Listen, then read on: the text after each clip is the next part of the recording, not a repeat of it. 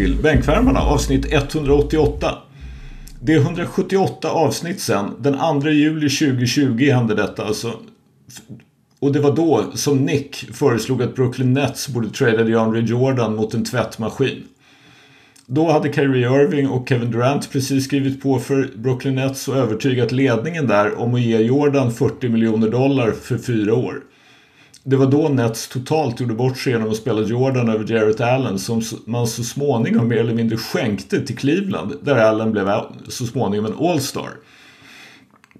Men häromnatten klev DeAndre Jordan ut ur tvättmaskinen hel, ren och på nyttfödd. Till tonerna av DeAndres 21 poäng, 13 returer, 5 assist och 3 stocks slog Denver utan Nikola Jokic och Jamal Murray Los Angeles Clippers. Ja, Reggie Jackson skickade i 35 poäng på 19 skott och hade 13 assist och såg till att kvällen blev en re revenge game för två spelare som tidigare spelat för Clippers. Men det var ju ändå natten då DeAndre Jordan klev ur tvättmaskinen. Det är det vi kommer att komma ihåg den här matchen för. Och det illustrerar några saker. NBA-spelare är otroligt bra. Till och med om de haft tid bokad i tvättstugan länge. Det är inte lätt att bygga vinnande lag. Det är inte lätt att skapa kemi. Det är inte lätt att ta rätt spelare i draften. Det är inte lätt att släppa gamla ikoner och trots att det inte är lätt händer det att man släpper dem för tidigt. I dagens avsnitt ska vi ägna oss åt den fina leken panik eller chilla. Vilka lag borde ha panik och göra något drastiskt? Vilka kan ta det lugnt? Varsågoda alla general managers i NBA. Bänkvärmarna to the rescue. Om inte annat kan ni fundera på att göra tvärt vad vi föreslår. Eller vad säger du Nick? Jag skriver under allt det där du sa. Som vanligt ett otroligt bra vasst intro med mycket kloka tankar. Uh, jag, det jag ser fram emot idag är att såga Jeremy Sohan. Sochan, Sokan. Jag har laddat hela dagen. Han är fan i mig kass.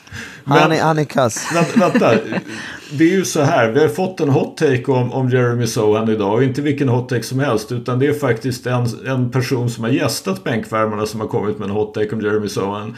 Väntar vi till den hot taken eller har du tänkt att gå loss tidigare? Vi, väntar, vi spar det till hot taken, eller hur? Vi, vi sparar. Ja, härligt. Lojsan, hur är det med dig? Vi hörde förut att du prasslade som fan och Nick trodde att du käkade godis. Men du är ju en seriös elitspelande basketspelare så du käkade ju förstås en proteinbar. Ja men precis, godis kan man inte sitta och käka när man eh, har varit och tränat. Eller?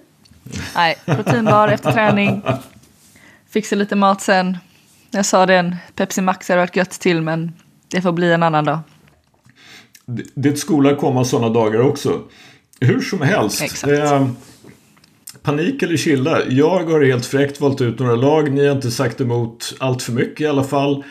Så, och vi börjar väl lite grann med ett lag som berör er båda två väldigt starkt. Golden State Warriors, panik eller chilla?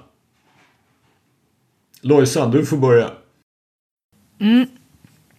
Alltså, jag tycker nästan lite både och. Alltså jag får ju panik av hur, hur de spelar. Så sett. Men eh, jag, jag tänker nog ändå eh, chilla för att de är, alltså de är väldigt rutinerade. De har eh, spelat länge. Nu börjar de komma in, få in de yngre lite mer.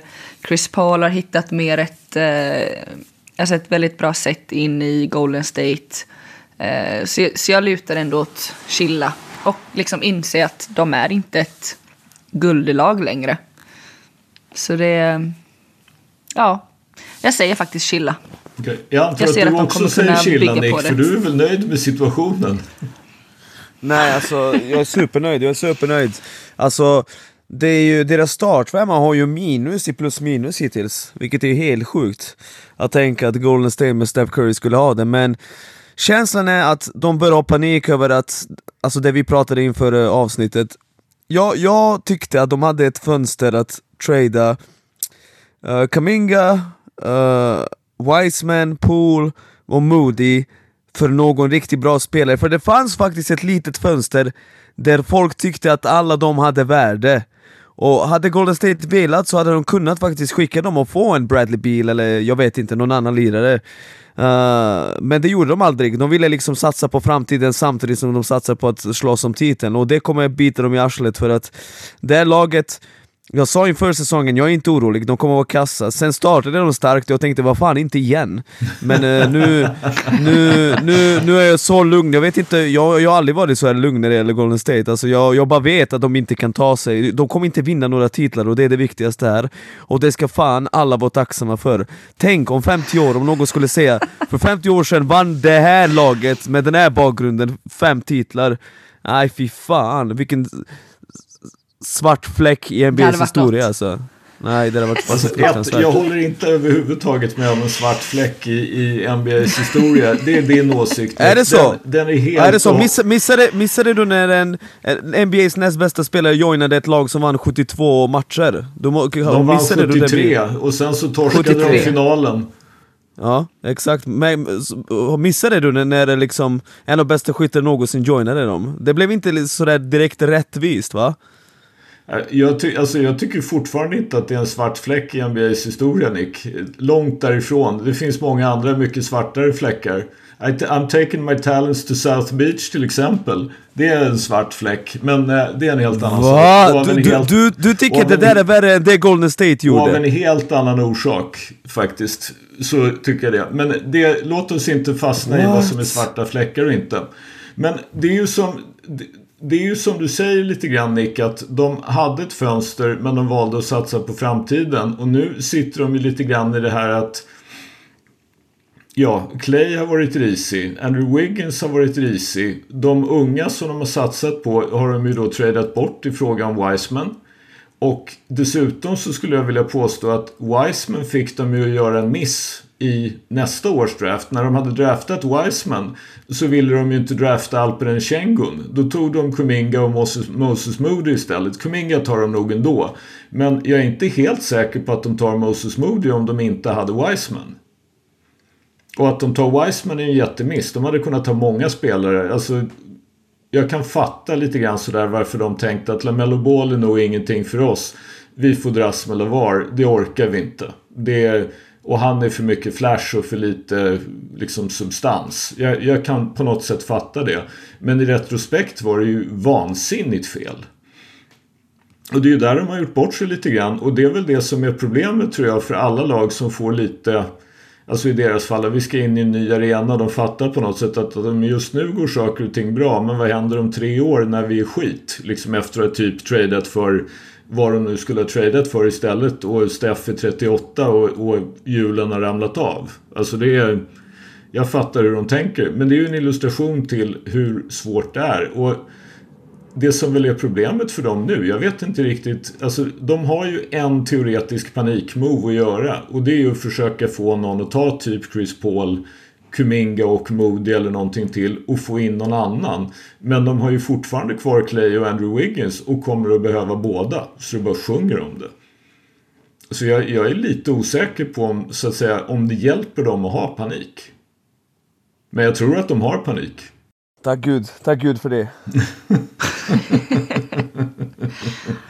Eh, nästa lag som ju ganska många faktiskt, trots att man visste att John Morant skulle vara avstängd i 25 matcher, hade som ett i alla fall typ topp 4, topp 5-lag i West. Det är de inte. Memphis Grizzlies. Vad säger du om dem Nick? Nej men alltså det var ju någon i den här podden, jag kommer inte ihåg vem, som var ganska säker på att det skulle gå bra för dem trots allt. För de senaste säsongerna när Jamorant varit borta, av olika anledningar, så har de spelat bra. Men jag tror ändå att alla vi kom överens om att det skulle gå åt helvete när vi såg att Steven Adams skulle skada sig. Alltså då mm. de... Det var ju liksom... Och, och, ja, man, man kunde ju nästan se att det skulle gå dåligt, kanske inte så här dåligt dock. Uh, måste säga att Jaren Jackson, sen VM och hela vägen hit, helvete man har blivit exposed alltså. Jag tycker att han har blivit exposed. Han är, han är inte en spelare på All-star-nivån. Inte alls. Uh, och är uppenbarligen i behov av att ha riktigt bra folk runt omkring sig för att vara en spelare på hög nivå. Alltså han har ju varit... Jag tycker att han har varit kass. Alltså, Faktiskt. Jag tycker att han var rätt okej okay i början. Eh, men att han på något sätt, det känns som att, det vet ju inte jag. Det, har, liksom, det är ju svårt att svara på. Däremot har han ju varit dålig nu i fem, sex, sju, åtta matcher någonting. Och det känns som att han... Ett, passar han inte att spela center utan han är van att spela med en center bredvid sig för det har han i princip alltid gjort. Och två, så känns det som att han liksom blir, har blivit så att säga nedtryckt i marken av att få en massa stryk. Han har inte fixat det. Alltså, ni har ju skrattat åt en viss spelare som jag, vars namn jag inte kommer nämna, att han skjuter 43% från golvet. Jackson, Jackson skjuter 41 för fan. Mm, mm. Alltså det är inte så bra för en center. Hur många centrar skjuter 41%? Jag vet att han är ute och skjuter en del med sin groteska skottrörelse, men det är liksom, uh, ja. Nej, ja, jag tycker att uh, han har blivit exposed. Ja, nej, de, de har panik. Eller de borde ha panik. Alltså det är... Självklart, de saknar ju Morant, men jag trodde inte att de skulle vara så här dåliga. Men också, ja, Steven Adams spelar inte. De har tappat lite folk hit och dit, men nej. Alltså det ska bli intressant att se nu när Morant kommer tillbaka om det kan bli något lyft för dem. Och på, på vilket, om det blir ett lyft eller om det bara blir att de börjar vinna matcher. Men jag menar, de är tre 3-13 liksom. Det, det är tufft. Mm. De är mm. verkligen i botten. Mm. Om de har någon chans att börja kämpa om play-in och slutspel och så. Fortfarande tidigt på säsongen men det är inte, en, det är inte den optimala starten. Ja, men det är ju så, visst. Morant kommer förmodligen, eftersom man inte har hört någonting mer, så kommer ju han förmodligen tillbaka om 25 matcher. Men vad är de då någonstans? Alltså just nu har de ju ja, precis. otroligt mycket skador. Utöver då sådana som man visste före säsongen, Steven Adams och Brandon Clark. De har tagit in Bismack Biombo som center som spelar över 30 minuter för dem, apropå tvättmaskin. Mm. Eh, de startar Jacob Gilliard som point guard även om de byter ut honom och försöker lira honom egentligen så lite som möjligt. Men liksom, det är Derrick Rose som ju då än en gång apropå tvättmaskin får ta en massa minuter. Eh, och, så de, de saknar ju en massa spelare. Och de har ju liksom hamnat helt snett på det så det känns ju som att Jamorant Morant kommer tillbaka, då är det 57 matcher kvar. Jamorant har haft en tendens att vara lite skadad. Han kommer ju förmodligen inte att spela 57 matcher utan han kanske spelar 47. Och de har ingen Tyus Jones. Och Marcus Smart har varit skadebenägen och är skadad. Så det är ju tokpanik för dem. Och de har ju liksom en, en hel del saker som de i och för sig teoretiskt kan trada. Och de har en massa picks och sådär som kan ju göra någonting. Men jag tror inte att de själva trodde att de skulle sakna Dylan Brooks så här mycket. Och, men däremot Nick, jag håller inte riktigt med dig om att Jaron Jackson har blivit exposad.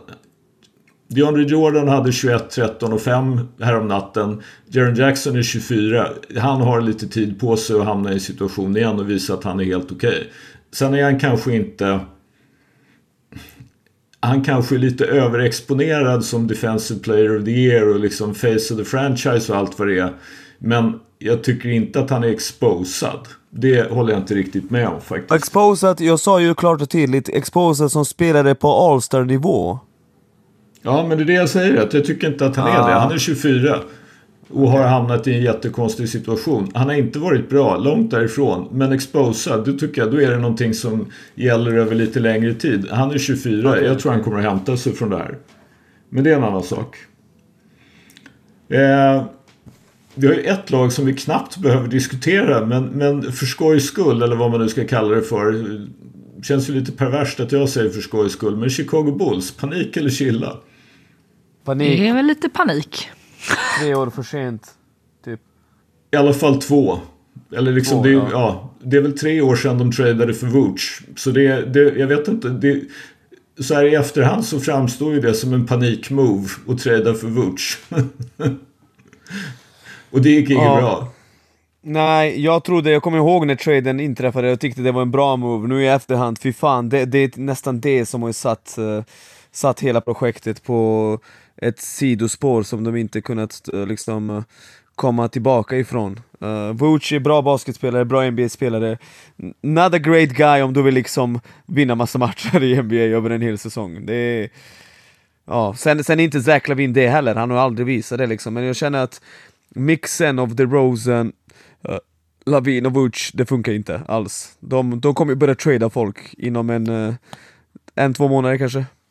Jag gissar att de väntar lite grann på det här. Alltså det är ju ett antal spelare som har fått någon form av kontraktsförlängning som gör att de inte får tradas ett I vissa fall är det 15 december och i andra fall är det ytterligare lite senare. Men de kommer att kunna tradas före trade deadline. Så jag gissar att, att man... Eh, att jag tror att det har ju gått... Det har ju läckt ut att Bulls är öppna för att trada Zach Lavin. Och någonstans är det ju så här. Om du väl börjar trada Zach Lavin. Ja, då är man ju på något sätt i en blow it up mode. Men risken, jag säger risken för jag tycker att de borde ha tokpanik. De borde trada allt de kan. Alltså, det är bara att... Inget att förlora. Nej, men allt du kan få. Och då är det ju så. DeRozan är free agent nästa säsong. Kan du få någonting från honom överhuvudtaget? Och han är 34 och han är inte lika bra nu som han var för två år sedan. Kan du få någonting från honom, ta det. Ta vad du kan få för Zach Lavin och slippa undan och ha honom i vad det nu är, fyra år till för 160 miljoner.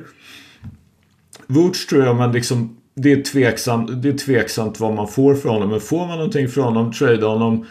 Och den som de förmodligen, den som är mest attraktiv, den som folk är mest intresserade av att trada för, det är ju Alex Caruso. Faktiskt, han, han är en sån där game changer. Mm. Om ett bra lag kan få in honom Låt oss säga att Milwaukee Bucks får in honom på något sätt. Ja, de har inget Det får de inte, för de har, de nej, har ingen chans nej, att bjuda nej, över exakt. andra som är intresserade. Men skulle han komma och spela för Bucks då är det total game changer. Då har de sin guard, försvarare liksom, och då, mm. då är de solklara favoriter. Så bra är han. Alltså Alex Caruso nice.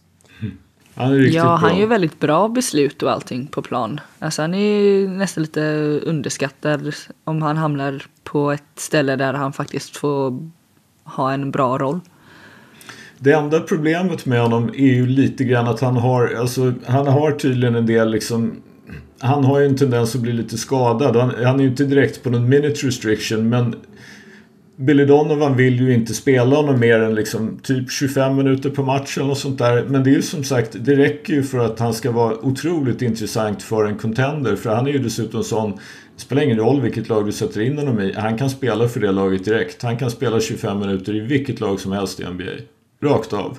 Så det, så, och som sagt, här apropå det här att Golden State hade ett fönster att trada. Bulls hade också ett fönster att trada. Jag skulle säga att de har haft ett fönster att trada folk ända sedan Lonzo Ball blev skadad och allting började gå dåligt. Det var ju då de egentligen skulle ganska fort gjort analysen att okej, okay, det här funkar inte. Eh, vi har inte vi kan inte bygga ett lag runt de här tre spelarna när Lonzo Ball är borta. Det kanske vi inte hade kunnat med honom i laget heller. Men då såg det åtminstone okej okay ut. Då var, då var ju Bulls bra. Sen dess har det ju bara varit en, en eh, kanske inte en superbrant uppförsbacke men den har varit väldigt konstant. Alltså, jag vet inte, den som är intresserad av statistik kan gå in och kolla på DeMar DeRozans plus minus statistik för året och se att i alla fall häromdagen så var Bulls 21 poäng bättre med honom av banan per 100 possessions än vad man är med honom på banan. Det är ju liksom, och man över de här tre åren så är man alltså minus, net rating minus med Levin, Vooch och DeRozan på golvet.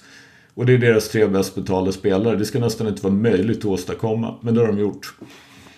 Eh, om, det, om ni råkar höra liksom att det låter som vatten som droppar mot ett golv så är det bara mina tårar. Det är ingenting ni behöver bry er om.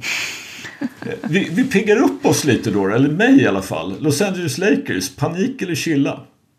Det finns bara en människa i hela världen som tror att det är panik. Nej, Sköldström, du tror inte men du hoppas det är panik. Alltså vi visste ju!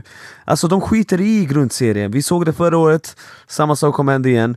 Jag tror inte alls de känner panik, tvärtom. De väntar på att alla ska bli hela, sen ska de utvärdera, och sen om de känner att ah, vi måste ju göra ändringar, då tradar de bara Hachimura och D'Angelo Russells kontrakt.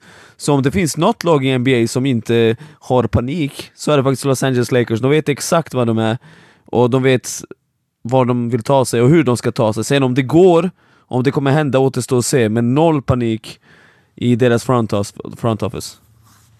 Vad säger du Lojsan?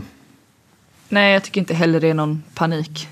Alltså de, eh, de har sina spelare, de vet vad de kan, de vet vad de gör. De saknar några. Ehm, jag menar, Wernerbilt har inte spelat än. Han har varit skadad sedan säsongen började. Få in honom i det hela och, och som Nick sa, funkar det inte, ja men då har de lite möjligheter. Så det, jag tror inte det är några, någon panik. Alltså bara för att det står i eh, standings att de ligger på åttonde plats så tycker jag inte det är någon panik. De, de har spelare som kommer kunna lösa det Så det, det är lugnt. Okej. Okay. Jag håller delvis med, men någonstans tycker jag faktiskt att jag tror att de har jag tror inte alls det är så lugnt på front office som ni tror. För ett, det faktum att alla spelarna är skadade och att de då inte riktigt liksom presterar, de inte riktigt får ihop det. Gör ju att om de då får för sig att de ska trada D'Angelo Russell och Rui Hachimura eller vad som nu behövs för att få in någonting som de då tänker sig. Så ökar inte Hachimuras och D'Angelo Russells värde just nu. Gabe Vincent har inte spelat för dem. Free agent signing Austin Reeves har efter att ha varit en sensation i slutspelet förra året fått gå till bänken för att bli six man. Och LeBron, snart 39 år gammal, spelar på en nivå som är fullständigt sinnessjuk och han spelar nästan 34 minuter per match. Han är 39 bast och spelar 34 minuter per match och allt Lakers gör i anfall hänger i princip oavbrutet på honom. Jag tror inte att det ingick i planen att LeBron James skulle spela 34 minuter för dem, att de skulle vara så beroende av honom. Och nu när de inser att de är det, men ändå fortsätter att lira de 34 minuter per match. I don't know. Jag tror inte att de har panik, men jag tror att det finns en och annan som sitter där liksom, är det här verkligen hållbart som det ser ut just nu? För det de vill. För jag menar någonstans är det så. Spelar, har du ett lag med LeBron James, jag skiter i om han är 39 år gammal så är du ju inte ute efter att komma typ sjua och åka ut i andra rundan. Det är inte det, är inte det som är aktuellt. Eh, nästa lag är ju då deras, höll jag på att säga, styvbror kanske man kan kalla dem för. Los Angeles Clippers. Vad har vi på dem? Panik eller chilla? DeAndre Jordan droppade Panik. 21 poäng på dem. Det är dags, oh. det är dags att fucking börja skrika. Ring brandkåren. Ring the SWAT team. Ring alltså alla möjliga tjänster och uh, kårar, alltså det där är ju fucking disgusting. Disgusting. Du, du kan inte som ett lag torska mot uh, Denver utan Jokic, Murray och Porter. Porter spelade i och för sig, men... Gordon. Ja. Gordon. Gordon. Det var Gordon precis. som inte spelade. Ja.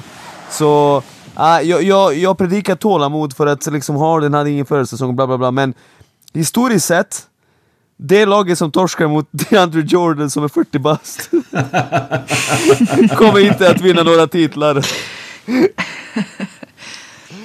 Nej, han är bara 34. Nej. Han är född 89, eller 88. 88, 87 kanske? No, 88 är han, tror jag. Väldigt ung egentligen. Eller ung. Ni fattar vad jag menar. Ja. Nej, de, för, för att ha varit i tvättmaskinen i ja. åtminstone tre år så är han ganska ung. Han, han blev NBA's ja. sämsta spelare av alla som har stora minuter redan, vad var det? 2019 typ? 2020? Ja, någonting sånt. Ja, ja. Jag tror att det var, så... det var 19 som han gick till Brooklyn. Det var ju 1920. Det var ju då liksom. Det var ju då. Ja. Och, och, som sagt, de tradade ju honom ganska liksom. De tradade honom när de, när de liksom egentligen kunde på något sätt. Vad säger du Lojsan om Clippers? Nej men det, det är panik. Alltså de, det känns som att de gjorde den här traden med Harden för att det, ja, jag vet inte om de var i panik redan då eller om de bara kände att vi vill testa något eh, nytt här. Men eh, de får inte ihop det på något vis. Jag känner att med det laget, de, alltså med de spelarna så ska det liksom vara... Det ska flyta på, det ska bli någonting bra utav det hela men alltså att torska mot Denver med det laget som de hade jag tycker det... Nej. Jag vet inte vad de ska göra. Om de behöver mer tålamod och mer träning ihop eller om vad det nu ska vara. Men det är, det är inget vinnande lag just nu. Det intressanta är ju med det här Jordans, Jordans 21 poäng, 13 returer, 5 assist och 3 stocks. Så är det ju så att hans så att säga motståndare, primära motståndare på planen, klipper center Ivica Subats han har 23 poäng och 14 returer, bara en assist förvisso, men sätter 9 av 15 skott. Så det är ju inte så att Jordan dominerar Ivica Subats utan ingen av dem kan stoppa den andra egentligen. Men Kawhi är 10 för 26, Paul George 22 för 13, James Harden skjuter 7 skott och har 4 assist. Alltså i någon mening så tycker jag mig se lite saker som jag känner igen från Chicago Bulls. Det här är ju tre spelare som i alla fall än så länge inte riktigt passar ihop. Alltså Harden och George och Kawhi. Och sen så då har de då dessutom Russell Westbrook som har erbjudit sig att komma från bänken. Som ju... De började ju faktiskt bra utan Harden. Sen har de ju blivit riktigt dåliga efter Harden. Jag kommer inte ihåg exakt hur, hur det har gått för dem exakt när Harden kom. Men de började ju med ett par riktigt dåliga insatser. Sen har de haft någon lite bättre och sen kommer nu den här. Men det som är problemet för Clippers det är ju egentligen panik innebär ju på något sätt att ja men vad ska vi göra? Det de kan göra det är ju att trada Kawhi Leonard och Paul George egentligen. Som båda två teoretiskt kan vara free agents när säsongen är slut. Vilket innebär att kombinerat med deras skadehistorik, vad får du? Det borde vara panik men jag är 99% säker på att de kommer att chilla. Ja, de har inget annat val, så... Nej, typ. Nej, precis. Då chillar man. Har man inget annat val, då chillar man. Eh, Nick, du är ju kvar. Du har ju släppt en av dina allianspartners. Till, till din stora sorg så gav du upp för tidigt på Minnesota Timberwolves. Men du är kvar på Cleveland Cavaliers-båten. Eh, hur känner du inför dem? Är det panik eller chilla? Panik, absolut. Jag tror att det är ett lag som ju snabbare de inser att Garland och Mitchell, jag är trött på skiten. Jag är trött på skiten. Förra året, så här var det, säsongen började, Garland skadade sig i match ett eller två, och då vinner de typ sådär åtta raka, jag vet inte om ni minns det, och Mitchell går i nötter. jag minns, jag retades ju med dig för det mm. i samband med liksom vad det nu var. Men du vet att jag gillar Garland, så det var ju bara lite mild terror. Ja, och sen, sen han kommit tillbaka, alltså de spelar inte bra tillsammans, jag sa det förra avsnittet, men jag, jag måste bara erkänna som det Någon av de två måste ryka, du kan inte ha två snubbar på 1,89 typ. Nej, inte i modern NBA Det går inte, det är det jag är trött på. Sen också att Mobley har inte riktigt tagit det där klivet som jag hade hoppats på, även fast han är snuskigt bra, en av NBAs bästa försvarare. Uh, ni, Vi vet ju vad han kan. Känslan är att han just nu Eh, stagnerar. Kanske, nej jag vet inte, jag vet inte. Jag tror att när Garland och Mitchell spelar, det finns så jävla lite boll att operera med liksom, för de andra. Uh, så ja, jag ser fram emot att se Donovan Mitchell. Det är han som måste ryka. Donovan Mitchell måste bort, sjukt nog. Sjukt nog, han måste bort. Han måste bort.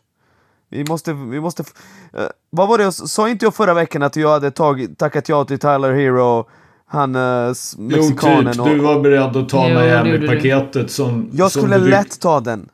Jag skulle lätt ta det. Vet ni varför? För Hero passar bra ihop med Garland. Jag tror faktiskt det. Han är ju mycket bättre liksom... Uh, eller inte mycket bättre, men han är inte sådär heliocentrisk spelare, ni fattar vad jag menar? Alltså han vill ju gärna spela mot en också, bla bla bla, men inte på samma sätt som Mitchell. Mitchell är ju liksom, han ska ju vara the focal point. Medan jag tror att det är bättre att låta Garland vara alfa 1A. Han är ju fortfarande 22 bast, eller vad är han? 23? Svinung. Han måste utvecklas, han kommer inte utvecklas om han spelar med Mitchell liksom. Mm.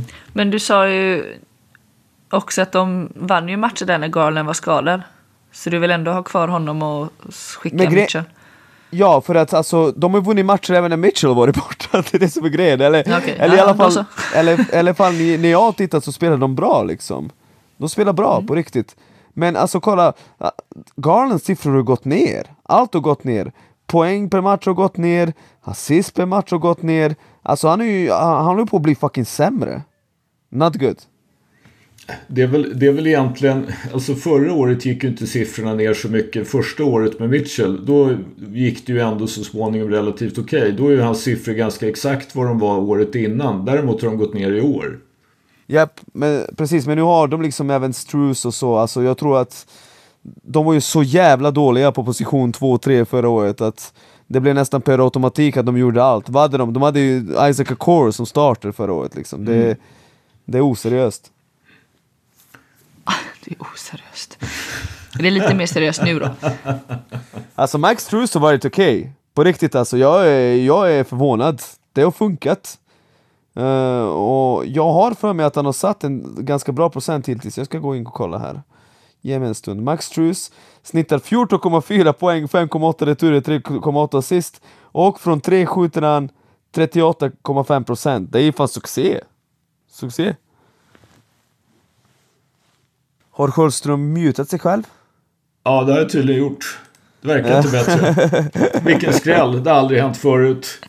Det är jag och Brian Windhorst som mutar oss själva och sitter och pratar för oss själva i, i en echo chamber.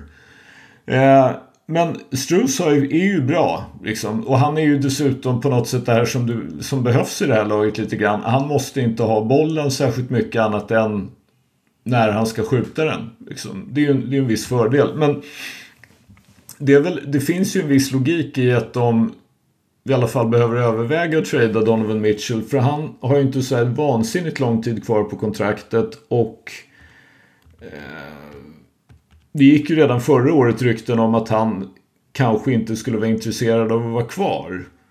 Och då, är ju liksom, då har de lagt rätt mycket. De tradade ju en hel del för att få honom. Bland annat Lauri Markkanen. och en massa picks. Eh, apropå hur lätt det är att bygga lag. De dumpar Lauri Markkanen och så är han plötsligt All-star. Liksom. Det, ja, det, det, är inte lätt att begripa sig på vad som händer i NBA alla gånger. Eh, men Mitchell har alltså det här året nästa. Sen har han en player option 2025-26. Så om de känner att vi måste trade honom så är det ju läge att göra det förmodligen så fort som möjligt. Och om inget annat, alltså när de inte är bättre, så att säga, nu är de 9-8. När de inte är bättre än så här, och som du säger Nick, alltså även Mobleys siffror och tycker jag, det man ser på planen, hans, så att säga, det han påverkar är ju i princip samma som det var när han var rookie. Det är inte liksom någon jätteskillnad. Han skårar lite mer, han är lite mer effektiv. Och han, det är klart att han har blivit erfarnare och fått... Men han har ju inte blivit den här... Han har ju inte utvecklat det här som folk hade hoppats på, i alla fall de som gillar Cleveland, på att det skulle göra det lättare att spela honom och Jarrett Allen tillsammans i anfall. Det var ju en bidragande orsak till att de fick stryk mot Knicks i slutspelet i fjol. Det är ju att de, i princip så struntade Knicks i Allen och Mobley Cavs fick ingen spacing och Donovan Mitchell och Darius Garland körde oavbrutet fast. Och så käkade Mitchell Robinson, Allen och Mobley på brädorna. Så jag håller nog med. Trots 9-8 och liksom en del skador i början på säsongen så, där, så tror jag nog att det, det eh, de sitter inte lugnt på Clevelands front office. Det tror jag inte. Har vi något mer vi vill ta upp om NBA innan vi rullar vidare? Nej, jag vill bara berömma Orlando Magic. Orlando Magic ser bra ut. Jag har varit hög på Orlando. I gruppen fanns det lite skepticism i chatten i början av säsongen. Jag sa vänta, det är ett ungt lag. Och nu, jag tycker, helt, jag tycker inte de har ett jättebra lag. Jag tycker bara att Frans och Paolo är helt sjukt bra. Alltså jävligt nice core ja. att bygga runt. Jävligt nice core att bygga runt. Fan vad spännande tider. Om du är Orlando Magic-fan i Sverige, hur många är ni? Typ sju pers, om ens det. Hojta till så vi vet. Vi har ju en vän till podden. Förra Uppsala-spelaren Rickard Eriksson. Han har just spelat det, även i, just i andra lag också. Men det var väl i Uppsala som han avslutade sin karriär. Men han har ju spelat i Norrköping, Ockelbo, Södertälje. Och, ja, precis. Ja, men good. Eh, innan vi går till SPL. Vad säger du Lojsan om att man idag gick ut med från Svenska Basketbollförbundet att man har sålt 98% av biljetterna till Partille Arena till VM-kvalet, vilken dag det nu var i februari 2024, mot Bulgarien. 22 februari. Fantastiskt. Superkul. Vilket eh, engagemang. Det är kul att det är basket här på västkusten. Eh, eller ja, landslagsbasket, för basket är det ju här. Men att herrarna kommer hit och det har blivit sånt eh, tryck att eh, föreningsbiljetterna är i princip slutsålda och de behöver släppa lite till. Det är, är jättekul. Mm. Det är fantastiskt verkligen. Känner man ändå inte lite grann att om man säljer det går in 4000 personer eller 4000 sittplatser i Partille Arena. De pratade om att de skulle på något sätt försöka få in lite till. Eh, om man säljer ut 4000 biljetter eller 3800 eller vad det blir nu då, på typ 36 timmar. Skulle man kanske spelat i Skandinavium istället? Typ. Men det är väl också första gången de är här på, på ett bra tag och man inte riktigt vet hur intresset är, skulle jag gissa på. Mm. Men eh, jag menar, får man det slutsålt här eller i princip fullt så varför inte satsa större nästa gång? Det är, eh, det är kul om att det blir en fullsatt arena.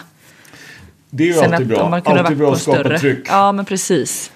Det är ju bättre att ha en mindre till en början med och få den full än att börja stort och kanske få det lite halvdant. Mm. Men jag tycker det är jättekul verkligen att det, att det har blivit sånt tryck på biljetterna. Härligt, det blir intressant den 22 februari. Sverige-Bulgarien i VM-kvalet. Vad har vi på SPL då? Vad händer? Jag, jag vill bara säga en sak om det där också, om jag får. Ah, Okej då. Det är 3500 biljetter som släpptes, som om jag förstod rätt. Och, och föreningsbiljetterna tog inte i princip slut efter 36 timmar, de tog slut efter 24 timmar. Och sen resten av biljetterna tog slut i princip, alltså om ni, om ni går in på appen och kollar biljetter, det är två platser kvar. Så det är ju verkligen gått uh, otroligt fort de här 3-4 dagarna.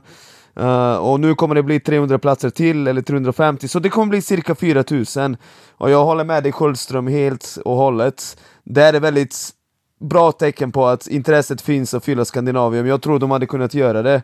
Men som Louise säger, man, där är ju nog ett test, för man, man har ju bara spelat i Stockholm och Norrköping i princip.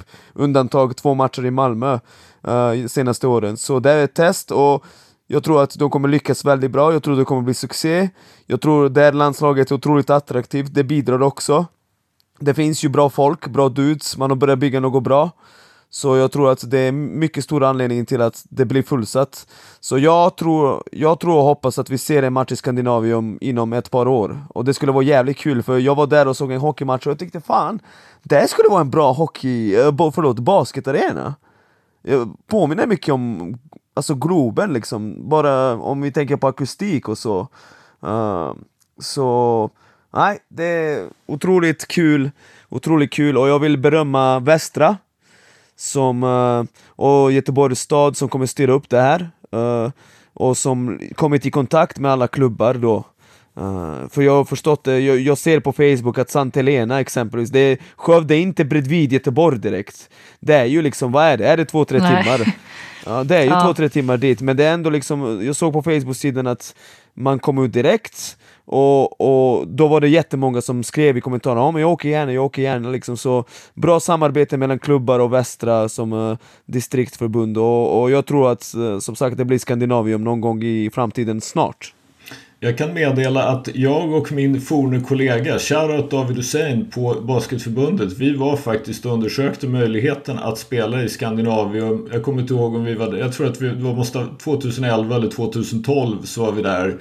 Och i alla fall då så var det faktiskt så att Skandinavium uppfy- kunde uppfylla kraven på att spela en match där. För de hade regulation korgar och liksom kunde lägga in golv och hela köret. Så Skandinavium är en option så småningom när vi väl kommer dit. Det är inget problem. Och som sagt Göteborgs stad är ju alltid sugna på evenemang. Det är... Göteborg är en evenemangsstad faktiskt. Det bara är så. SPL, vad har vi?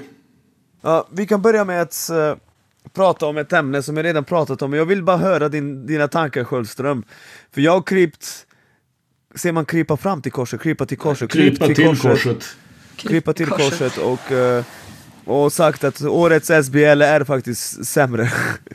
Eh, och, och jag vet inte Sköldström hur många matcher du har sett, men eh, jag vill att du och Lojsan uh, inbillar jag mig eller? Alltså, för ni vet att jag är SBL-optimist, jag skulle inte skjuta ner SBL Men jag tycker att just i år, framförallt efter att Jämtland blivit av med en startspelare och en bänkspelare, alltså det är otroligt tunt, ovanligt tunt. Det är väldigt, väldigt svagt år. Har jag fel?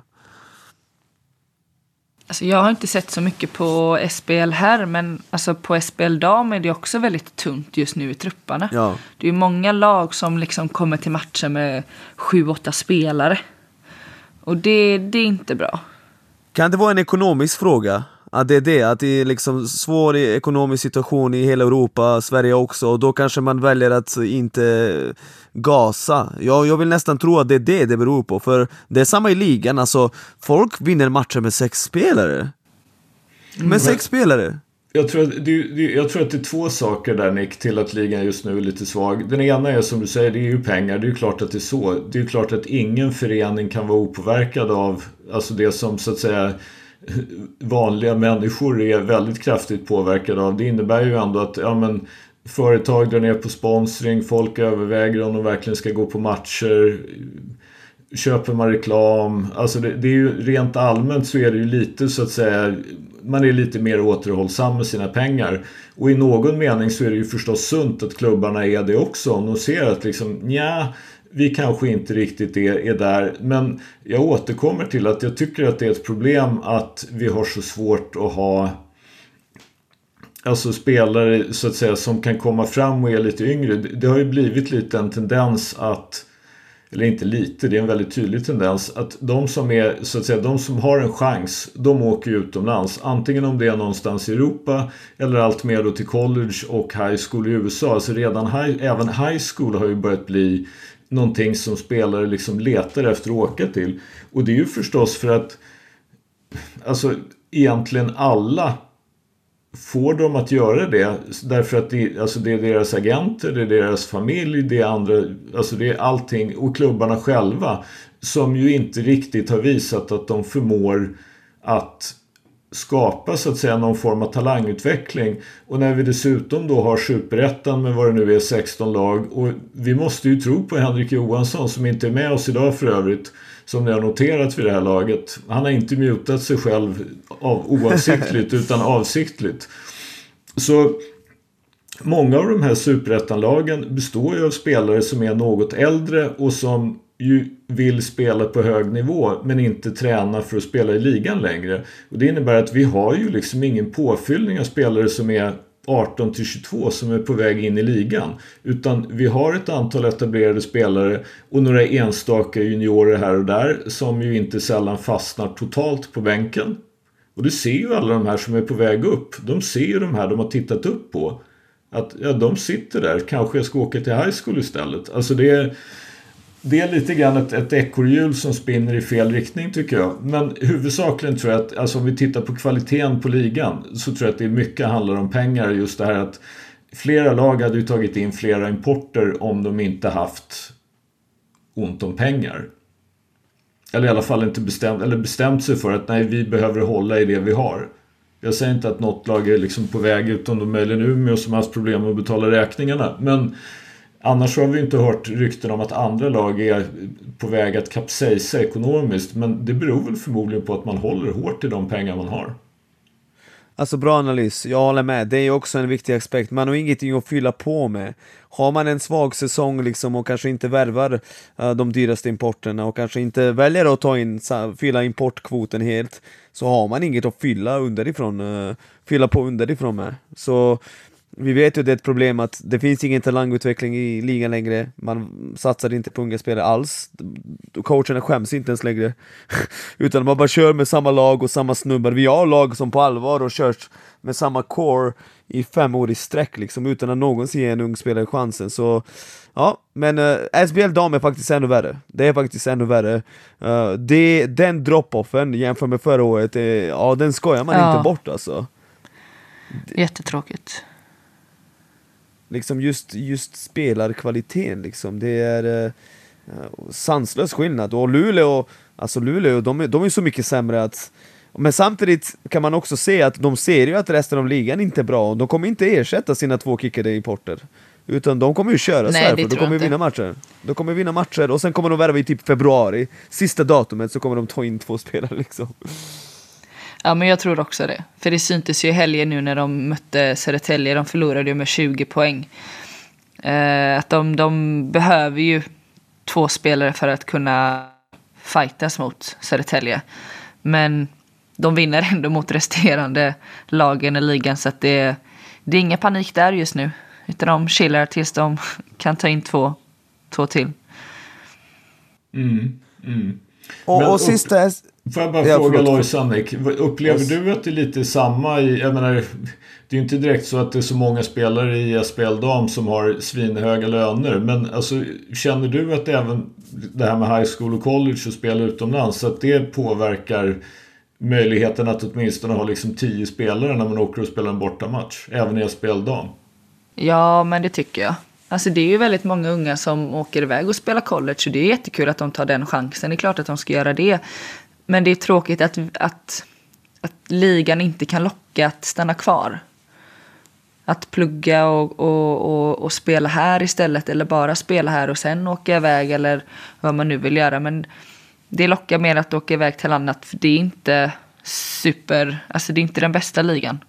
Sen har vi ju fått, fått några, alltså om man tänker i Södertälje, så har vi ju några riktigt bra spelare. Så det finns ju kvalitet också.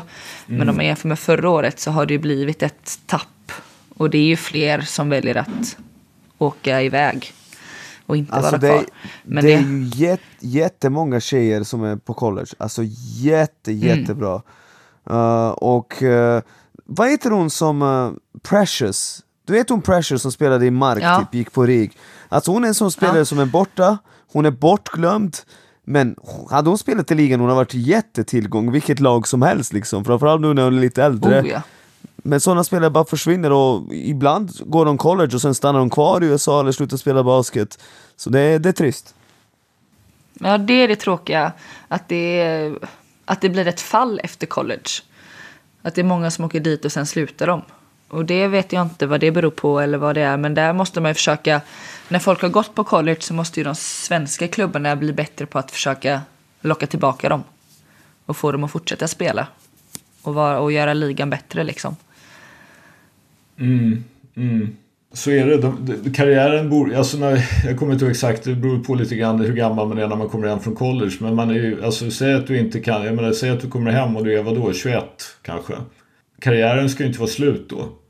Nej, gud och, och nej. Där, där har vi väl då rent allmänt kanske inte, alltså klubbarna kan ju inte erbjuda kanske tillräckligt bra villkor helt enkelt för att man ska vara intressant. Någonstans är det ju så här, många tjejer ser ju det att, ja men okej, det här det är en ekonomisk förlustaffär. Jag kan kanske inte plugga på samma sätt. Jag kan kanske inte jobba på samma sätt. Och det är ingenting som kommer att bli bättre av att jag spelar 8, 9, 10 år till i SPL dam. Och då är det ju helt enkelt ganska många som väljer, okej okay, jag har fått en collegeutbildning på fyra år. Det är kanske lika bra att jag går till jobbet och så spelar jag i division 2 istället. Ja, precis.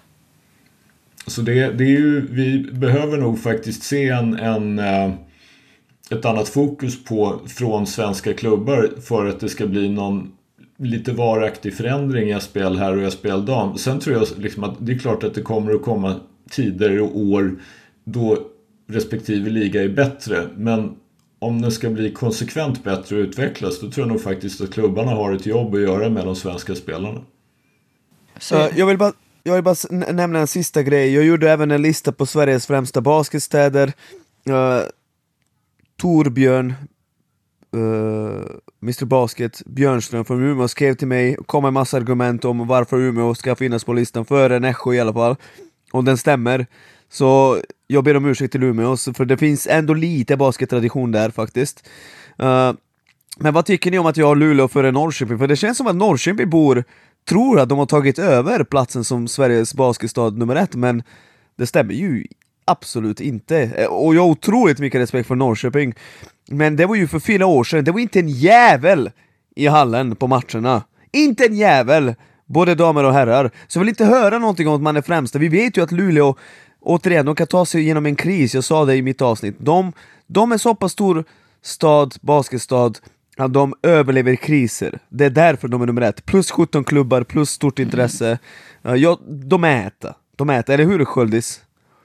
Jag måste erkänna att jag kan Norrköping liksom bakom de två elitlagen lite för dåligt för, för att säga att du varken har rätt eller fel om du förstår vad jag menar. Men, men det är klart att man måste ha en otrolig respekt för Luleå som har haft liksom en ställning på både herr och damsidan i så många år och inte minst då just det här att man ju faktiskt alltid har en livaktig liksom ungdomsverksamhet. Och det har man också haft i hur många år som helst som ju är nästintill legendarisk. Men, men det är väl så att Norrköping har de inte annat närmat sig och kommer förmodligen att närma sig ännu mer nu när man har RIG där. Ja, och, och Norrköping Ja. förtjänar, de förtjänar all framgång de har fått. Förlåt Lojsan att jag avbryter dig som vanligt. Eh, Nej men de förtjänar all framgång eh, som de har fått genom hårt arbete och tydlig vision har de verkligen tagit sig tillbaka från eh, en mörk plats de var på för några år sedan. Fortsätt Lois, förlåt för att jag avbröt dig. Ja, nej det är lugnt. Nej men det, det som du säger, alltså Norrköping har gjort ett fantastiskt jobb de senaste åren och verkligen fått ett lyft. Men Luleå har ju, har ju varit där i flera år. Jag menar damerna har ju flera SM-guld. På de senaste tio åren har de väl åtta, nio typ. Och herrarna har ändå alltid varit Alltså herrarna har ju varit bra och nu kämpar de lite och hit och dit. Men det, alltså de har ju väldigt mycket intresse och de jobbar ju väldigt mycket med basketen och de har flera lag runt om i Luleå. Så det, jag tycker att Luleå är, är i toppen. Men Norrköping är ju väldigt, alltså de närmar ju sig. Absolut. Men just nu tycker jag inte det är någon snack om saken om att Luleå är den främsta basketstaden. Dags, för, dags för Hot uh, Takes. Exakt. Hot takes. Ja, ska Lojsan, du, har ehm, du koll på läget? Yes. Ska du börja skjuta med en gång då Nick? Vi har ju Victor Malm som säger att eh, Jeremy Sohan är ligans bästa point guard om tre år. Jeremy Sohan i San Antonio Spurs alltså. Alltså- Nick, du vill ju skjuta ner den här. Det öppnade du ju avsnittet med. Jag, jag har nu sett lite av Spurs. Va? Mycket tack vare att en spelare som vi inte ska nämna spelar i det laget. Med det sagt, alltså Jeremy Sokan är fucking trash point guard. Han är tr- alltså, jag kommer ihåg när jag såg första hela matchen med, med, med Spurs, så tänkte jag, alltså, han rör sig verkligen som en forward som ska dribbla upp bollen. Alltså, ni vet, ni vet hur point guards när du pressar dem i NBA, de är så jävla bra du vet på att skaka av helplanspress, bara en spin move mellan benen och så är man borta. Han rör sig för fucking... Han, han rör sig som Drew Gooden där ute. På riktigt när han dribblar upp bollen. Alltså, han kan inte skjuta. Inte Drew Gooden. Alltså nu tycker jag att du... Nu går du för långt. Han kan inte skjuta. Han Ja, kan men inte jag säger att passa. han inte rör sig. Jag säger bara att han inte... Drew Good, han har inte Drew Goodens rörelseschema. Nej, det är lite att ta i, men låt oss säga typ att Detroit Pistons 2004 bestämde sig att Tayshaun Prince skulle bli point guard på heltid. Man hade bara suttit där och bara va? Nej, det där ser inte klokt ut, fattar du vad jag menar? Han, han, han har inte rörelsemönstret, han ser inga passningar, han kan inte skjuta, han har inte spelförståelse för att vara point guard i NBA. Alltså vad fan håller Greg Popovich på med? Han är kass pointguard! Han kan bli en serviceable startspelare på position 3-4. Han ska inte vara någon pointguard! Uppsala skulle låtit då Axel Nordström vara pointguard. Alltså det, är- det är typ det vi pratar om här. Finns ingen logik. Han är... Han suger. Han suger som pointguard! Sämst. Det skulle, Sämst. det skulle vara intressant att höra vad Viktor Malm, som ju är kulturchef på Expressen och vän till podden och dessutom har gästat podden med ett helt otroligt inhopp i ett avsnitt, eh, utveckla det här någon gång med Jeremy Sohan. Vi kanske får ge honom chansen. Vad ser Viktor som Nick absolut inte ser? Jag har ju själv ifrågasatt experimentet att ha Sohan som point guard för Alltså han är 20 bast och har ju aldrig spelat point guard i hela sitt liv uppenbarligen. Ja, det märks. Det syns. Och han, och han syns. såg ju så att säga under sin första säsong med Spurs när han faktiskt spelade någonting som mer liknade någon slags power forward, small forward. Så såg, han, såg man ju saker att okej, här har vi en snubbe som kanske inte är den bästa skytten men han har försvarsinstinkter, han har rörlighet, han är hyggligt atletisk. Och han kan liksom passa in. Han är på något sätt liksom en, en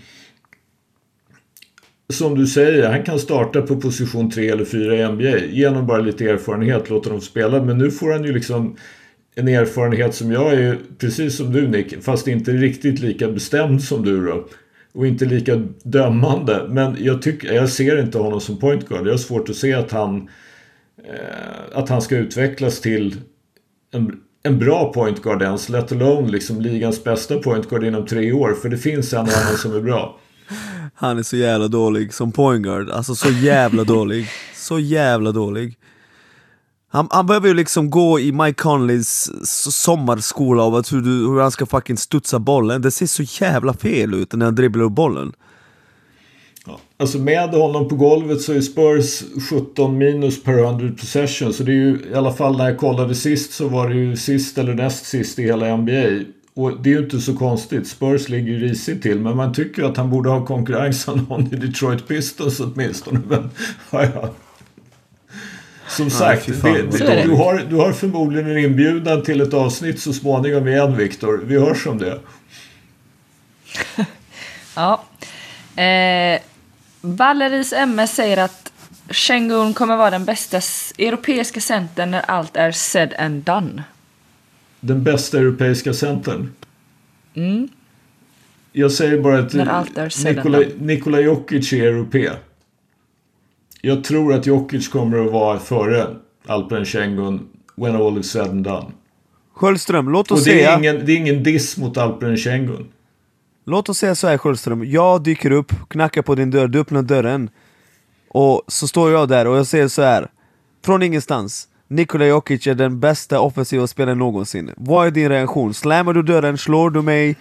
Sparkar du mig? Eller säger du kom in, vi får prata om det här Eh, kom in så får vi prata om det här. Jag, jag, alltså, jag förstår precis vad du säger men jag tycker att konkurrensen är ju oerhört hård om man liksom ska ta Yes. bästa spelaren genom alla tider. Alltså Jordan, Kevin Durant, LeBron. Eh, vad har vi mer? Steph Curry, Steph Curry. Alltså, menar, Larry Bird, Kobe i- i- Bryant Larry Bird tycker jag personligen kanske är något överskattad och Kobe är helt chanslös i den här diskussionen. Ja det är sant Han, han, är inte, han är alldeles för ineffektiv och så att säga för dålig på att göra sina medspelare bättre för att komma ifråga som... För det är ju faktiskt det, är ju det som gör att man överhuvudtaget kan diskutera Jokic i, den här, Exakt. i det här sammanhanget. Det är ju hans förmåga att passa bollen och att göra alla sina medspelare så mycket bättre. Och Exakt. givetvis att han är ju liksom kapabel att skåra 30 vilken dag i veckan som helst. Så jag, jag slammar inte dörren i, i, i nosen på det, men jag är tveksam på om jag tycker att han är där redan. Så alla ni som lyssnar, jag menar inte bästa spelare, jag menar inte bästa poänggörare, jag menar bästa offensiva, alltså precis som du sa Sköldström, varför är alla så jävla bra i Denver? Alltså folk får chanser och sen kommer de in och så spelar de skitbra när de spelar med honom. Vi har sett det så många gånger. Och sen går de någon annanstans och är de inte alls lika bra. Alltså, så som man höjer sina lagkamrater och det Denver Nuggets ska göra i set offense, i- de behöver inte enkla poäng, de behöver inte kontra i 20 poäng för att vinna en match. Utan de kan ju metodiskt bryta ner folk och han kan göra alla omkring sig bättre. Jag vet inte fan om jag har sett just det tidigare. Inte på den här nivån, alltså han, han, han, han lyfter alla. Han lyfter sig själv, han lyfter laget och lyfter alla andra och alla får ju liksom alla får medverka i anfallet. Alltså det där är ju någonting som någon, har man inte spelat så fattar man inte hur viktigt det är att när du kommer in att du känner dig delaktig. För det, det, det lyfter ju alla som fan. det, det är ju det förutom skyttet då förstås som är Currys kandidatur också. Just det här att som Curry spelar och som Golden State spelar så är du delaktig. Och jag tror ju precis som du, det här är en fördel. Det gör ju också att du är ju mer engagerad i matchen. Det är lättare att fokusera på allt du gör. Försvar, anfall, whatever. Liksom. Det, är- det är viktigt. Så ni landar i denna hot-taken att... Jag ser inte riktigt att Alperen Schengen ska kunna nå Nikola Jokic, nej. Nej. Nej, nej det är Nej. den absolut inte. Sen kan vi då diskutera vad vi, vad vi ska se Joel Embiid som, men det, det är ingen diskussion vi behöver gå in på just nu. Alperen Schengen har varit helt fantastisk, det är inte det. Men jag ser inte riktigt att han är på väg till Jokic nivå faktiskt. Nej. Ehm, vi har AV19 som säger att Azar Thompson kommer bli nya Kawhi. I försvar ja, i anfall nej. Blir det nya Kawhi i försvar? Fattar du hur bra han är då? Han är- Kommer han bli på Kawhi? Alltså Kawhi när han var som bäst, det var ju fan vansinnigt hur bra han var. Och försvaret. Thompson är rookie och är sinnessjuk i försvar faktiskt. Alltså redan nu Ja, han är det han bra otrolig. Han har instinkterna, han, liksom, han blockar, han stilar, han är i vägen för folk, han kan spela upp, han kan spela ner. Han kanske inte kan spela försvar på centra riktigt än men större forwards, vingar och guards kan han spela på, inga problem. Jag kan se att han blir nya Kawhi i försvar men däremot så skjuter han 13% från tre och ser inte riktigt ut som att eh, det finns liksom så att säga den utvecklingen på den sidan av bollen. Så att han blir Ja. nya Kawhi. Jag tror att väldigt få människor var lika bra i försvar som Kawhi när han var som bäst defensivt. Alltså det är väldigt få mänskliga varelser som har nått den nivån. Vi pratar om en klubb typ, på typ fem, max 10 personer. Så jag, jag tror inte han kommer komma dit, men vi får se. Jag är inte säker på att Ja. jag tror det heller. Men jag kan se, liksom, jag kan förstå varför man säger det. Däremot så håller jag inte med om själva anfallsdelen alls. Det tror jag inte på. Nej, och när vi är inne på Sir Thompson så säger Tim Marklund att han eh, kommer vara för All Rookie One Team plus All Defensive One Team. All Rookie Team låter ju högst sannolikt. All Defensive Team. Jag har inte riktigt tänkt på den hela vägen så att jag är, är redo att säga varken bu eller bä. Men alltså, jag har sett Asor Thompson ett par gånger. Men jag svårt att tänka mig att jag kommer att se honom så ofta mer. För det är eh, ingen sight för sore eyes att se Detroit Pistons spela basket just nu. Vad menar du? Det går väl bra för dem? Nej. Har de 13 raka torskar nu eller är det 12? Jag tror det är 13 ja, något faktiskt. sånt. Deppigt. Och det, det är ju inte bara det att de torskar utan alltså de torskade ju med 19 mot Washington Wizards. De har torskat 14 i rad till och med. Ännu bättre. Så de, efter tre matcher var de 2-1. Sen har de torskat 14 raka. Ja, men Rookie det tror jag med. Vi får se om han är med i försvaret eller inte. Det är lite tuffare konkurrens där. Ja, särskilt first team. Ehm. Alltså, ja. Ja, precis. Vi har eh, Alvin Svensson som säger att Bam borde vara klar favorit för Defensive Player of the Year just nu. Alltså Alvin är ju en, en... eh, Jag älskar som bekant Bam Adebayo och Alvin är ju Miami Heat-fan till benet. Och jag skulle kunna hålla med honom om det inte var för att Rudy Gobert har varit ganska bra också. Jerry Jackson Jr säger bara. Nej jag skojar. Han, hans, hans kandidatur till det är väl eh, både stekt och serverad och i tvättmaskinen. Ja, så är det. Så är det.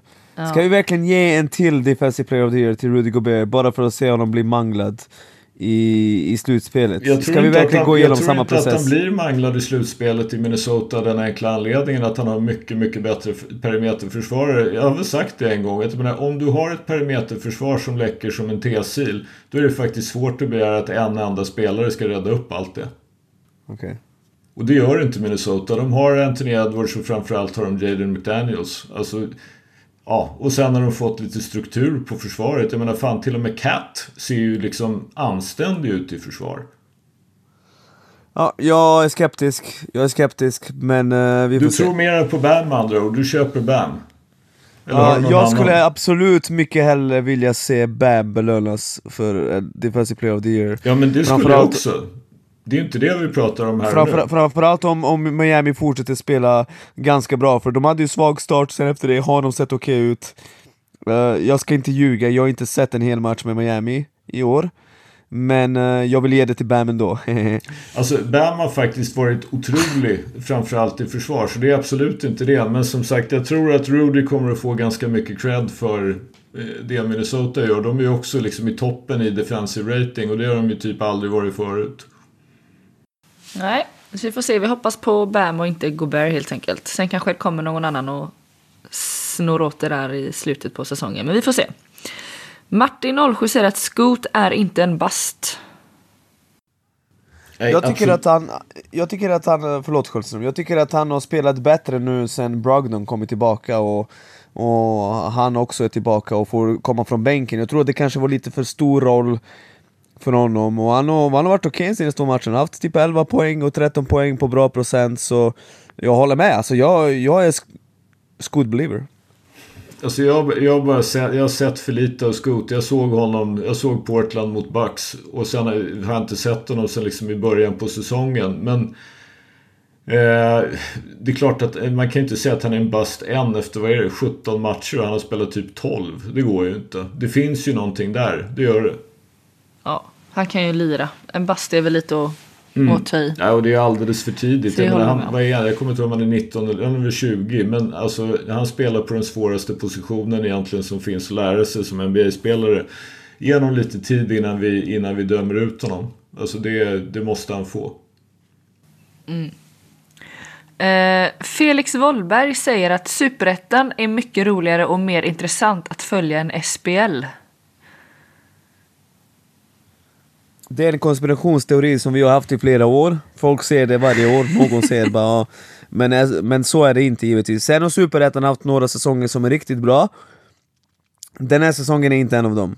Uh, nu när AIK kör över allting och alla och uh, ja, Gotia som, eller förlåt, Högsbo som satsar på att gå upp i ligan och strugglat lite uh, och så. Det, det, är inget sånt megaår. Däremot Superettan, det är mycket bra basket egentligen med tanke på att det är näst högsta nivån, inte minst tack vare det du sa innan Sjöström, att det finns ett gäng dudes som egentligen håller liganivå.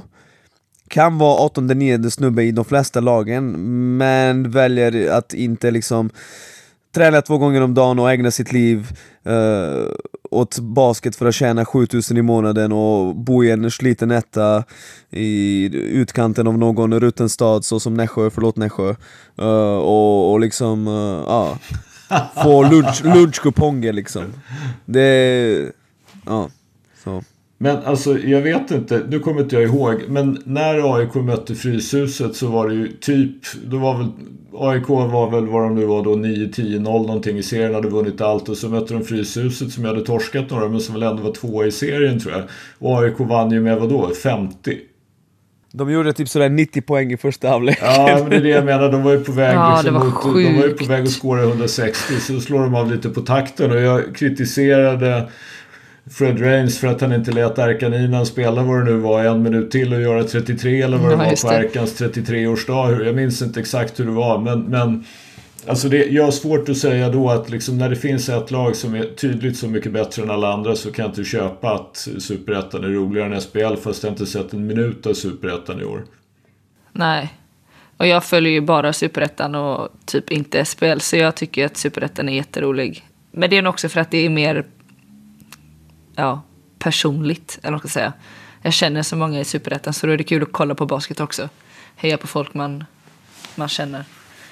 Mm. Och, och, för mig är det också tråkigt för att SBL herrs matcher går ju på tisdagar och fredagar när jag tränar. Så det blir som så här, ja jag kommer hem och kan se typ andra halvlek. Det är inte heller lika kul om man kan kolla på en hel match från start. Men det är som det är. Man kan inte få allt här i livet. Noah Järvbäck säger att slay, släng Clay Thompson i tvättmaskinen. Ja, jag börjar bli trött på honom också. Den här, den här får ju du eh, döma, eh, Lojsan. Ja. Ja, jag är nästan eh, där alltså. Men jag vill inte ge upp riktigt än. I gotta believe. Är, tvätt, är tvättmaskinen igång liksom? Har du, har du uh, stoppat i liksom tvätt, tvättmedel och ja. sköljmedel? Okej. Okay, det, okay. det, är där. Men jag har liksom inte stängt Tryckt på knappen. På Nej. Han började ju förra säsongen ruttet också men jag, det jag tycker är problemet om jag jämför med förra säsongen så men okej då kommer man ju från det här att han ju faktiskt inte hade spelat så mycket på två och ett halvt år eller nästan till och med tre år då fanns det ju på något sätt, då kunde man ju mer acceptera det. Men nu tycker jag att han borde vara, alltså han borde vara mer liksom i någon form av basket shape. Jag tycker att han... Eh, förut har ju en av de grejerna varit för honom att han har haft en förmåga att få bra skott. Och de få icke bra skott han tog hade han en förmåga att sänka ändå. Nu får han inte så många bra skott och han är inte lika bra på att sätta de svåra skotten som han har varit. Nej, han gör det lite svårt för sig själv ibland kan jag tycka också. Mm. Så det... Nej, vi närmar oss. Men inte riktigt det är, bara, det är bara han kvar som ska in i tvättmaskinen. Allting annat är redo. Exakt. eh, bänkvärmarnas motståndare säger att Middleton och Brook Lopez är de som kommer eh, hjälpa Dame och Giannis till NBA Championship i slutändan. Alltså, de måste ju, de måste ju bidra med något. Eh, uh, Brook har ju sett jättebra ut, Middleton inte alls. Men uh, ska, det här, eh, ska de ro detta i hamn så måste de två spela på hög nivå. Alltså problem, problemet med Middleton, Brook, Brook Lopez har ju sett helt otroligt bra ut. Offensivt har han ju varit helt sanslös. Men sen så har ju han och Janni samma problem som jag pratat om förut. Beasley och Dame släpper ju in vad som helst, vem som helst, när som helst i tre sekundersområdet och då blir det ju faktiskt ganska svårt att försvara sig även för så pass bra försvarare som Lopez och Giannis. Men nu, se, nu, Middleton har ju varit på någon minute restriction och kommit tillbaka från någon skada som jag glömt vad det är. Men nu vilade han ju senast och det är tydligen på grund av känning i en hälsena. Och det tyder ju lite grann för mig på att hans skadeproblem är liksom av den arten att han om han skyddar något så överbelastar han någonting annat. Han har ju, det har varit lite problematiskt faktiskt nu även förra säsongen så spelade han ju bara 33 matcher och innan dess så har han ju då varit helt okej, okay, liksom varaktig. Men det har ändå gått ner en liten aning jämfört med när han var lite yngre. Och att det här är ju andra säsongen i rad han har ganska stora problem. Jag är inte säker på att Middleton klarar av att vara det Bucks behöver på grund av skada. Och utan Middleton kan jag inte se att de kan ta en titel. Alltså utan en bra Middleton som kan spela i alla fall 30 minuter. Deras bänk är ju jättesvag. Ja, ja vi får se. Men det behövs... Eh... Ja, Middleton har ju varit väldigt on and off. Så vi får se om han håller hela säsongen. Ja, men han snittar 19,8 um, minuter på 13 matcher i år. Så han har både missat matcher och är på en minute restriction. Ja, det, är, det är ju en bit kvar. Ja, plus att han inte spelat speciellt bra när han har spelat. Nej, det är kämpigt. Vi eh, avslutar med eh, Loves Vuitton som säger att om Nick hade varit 40 cm längre, alltså 200 cm, hade han kunnat lira point guard i Spurs. Jag, kan, jag ska lägga upp ett klipp när jag dribblar upp bollen mot Solna Vikings. Jag råkar ha ett klipp. Då ska ni freaking se. Då ska ni se hur man dribblar det. Jag ska göra det efter det avsnittet. Ni ska se hur man, alla ni som lyssnar på bänken, jag ska lägga upp det på Twitter och Instagram, så kommer ni se hur det ser ut när man dribblar upp en basketboll. Med tryggt, som en riktig point guard, inte som någon polack som ska spela center. Jesus Christ. Så du hade alltså klarat det? Du går in och tar, du tar hans plats helt enkelt? Polacker ska vara centrar, massa i lampe. Uh, Marcin Gortat. Jag vill inte att uh, min polack ska vara point guard. Inte en point guard! Jag vill inte att min polack ska vara point guard. Det känns som en passande avslutning för dagens övningar. Och alltså, ni eh, måste ju en, vara sista grej, en sista grej, förlåt, förlåt Sköldström, förlåt. Det var en jätteung uh, lyssnare som skrev en hot take nyss. Han verkar vara jätteung, han heter Elliot 201134 Uh, han skrev Bucks vinner Championship denna säsong och Jokic är bästa spelare i världen just nu. Vi ser ja på Jokic och vi ser tvek som det ser ut just nu på Bucks. Så. Mm. Agree. Shoutout Elliot. Shoutout. Tack för idag. Ha det bra. Hej då. Hej då.